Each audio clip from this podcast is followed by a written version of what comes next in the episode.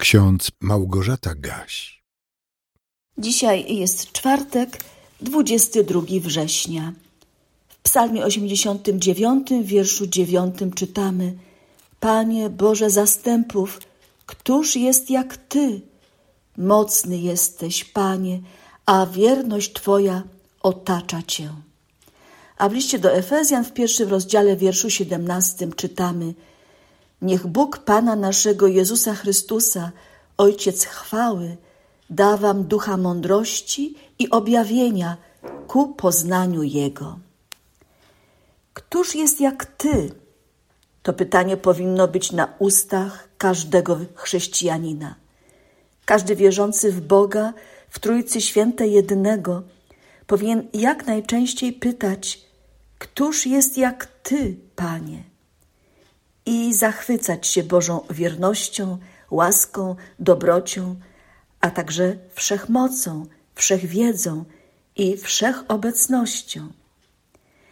To pytanie, któż jest jak Ty, można odnaleźć w różnych fragmentach Biblii.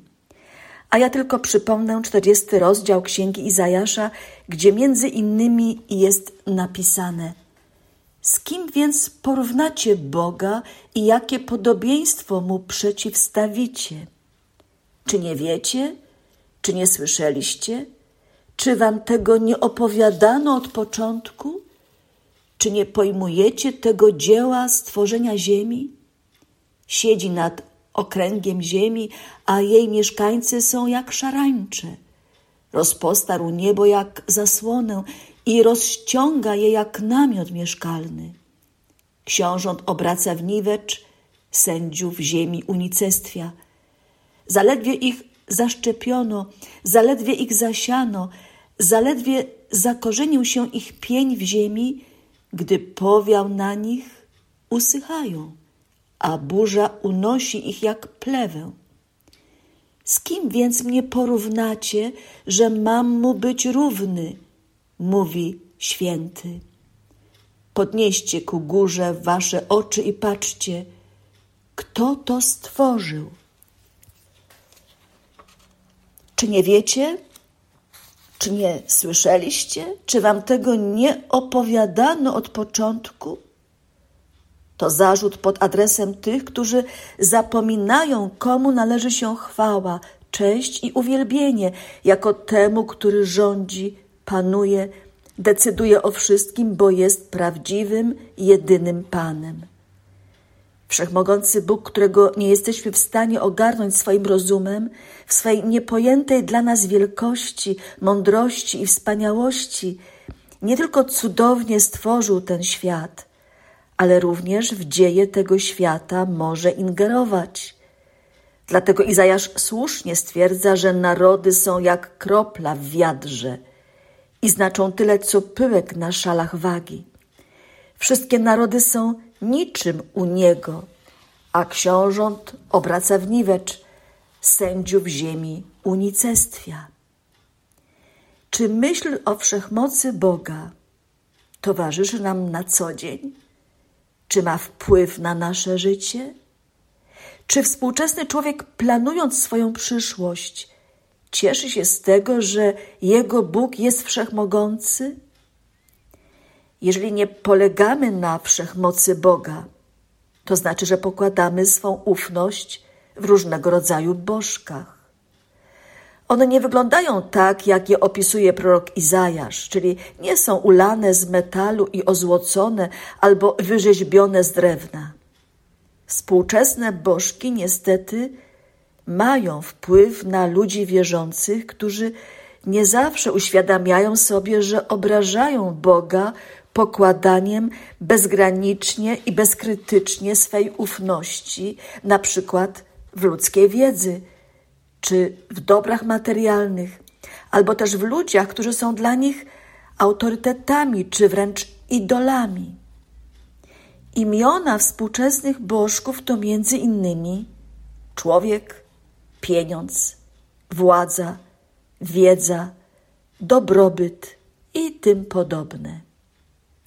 A przecież nadal obowiązuje przykazanie: Jam jest Pan, Bóg Twój, nie będziesz miał innych bogów obok mnie.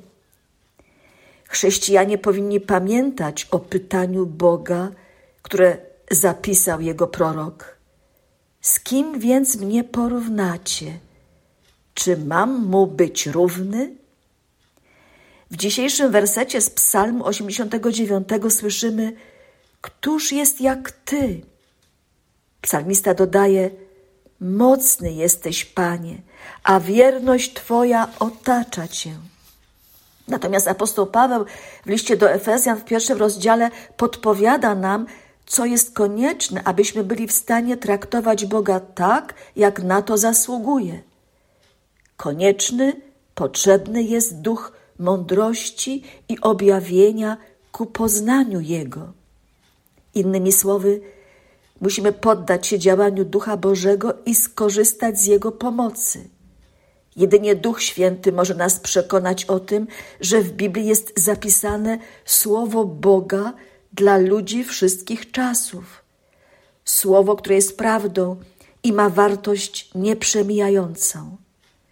Jedynie prowadzeni przez Ducha Świętego możemy z głębi serca wyznawać, że Jezus Chrystus jest Panem, Bogiem, Zbawicielem i jedynym pośrednikiem między nami a Ojcem w niebie.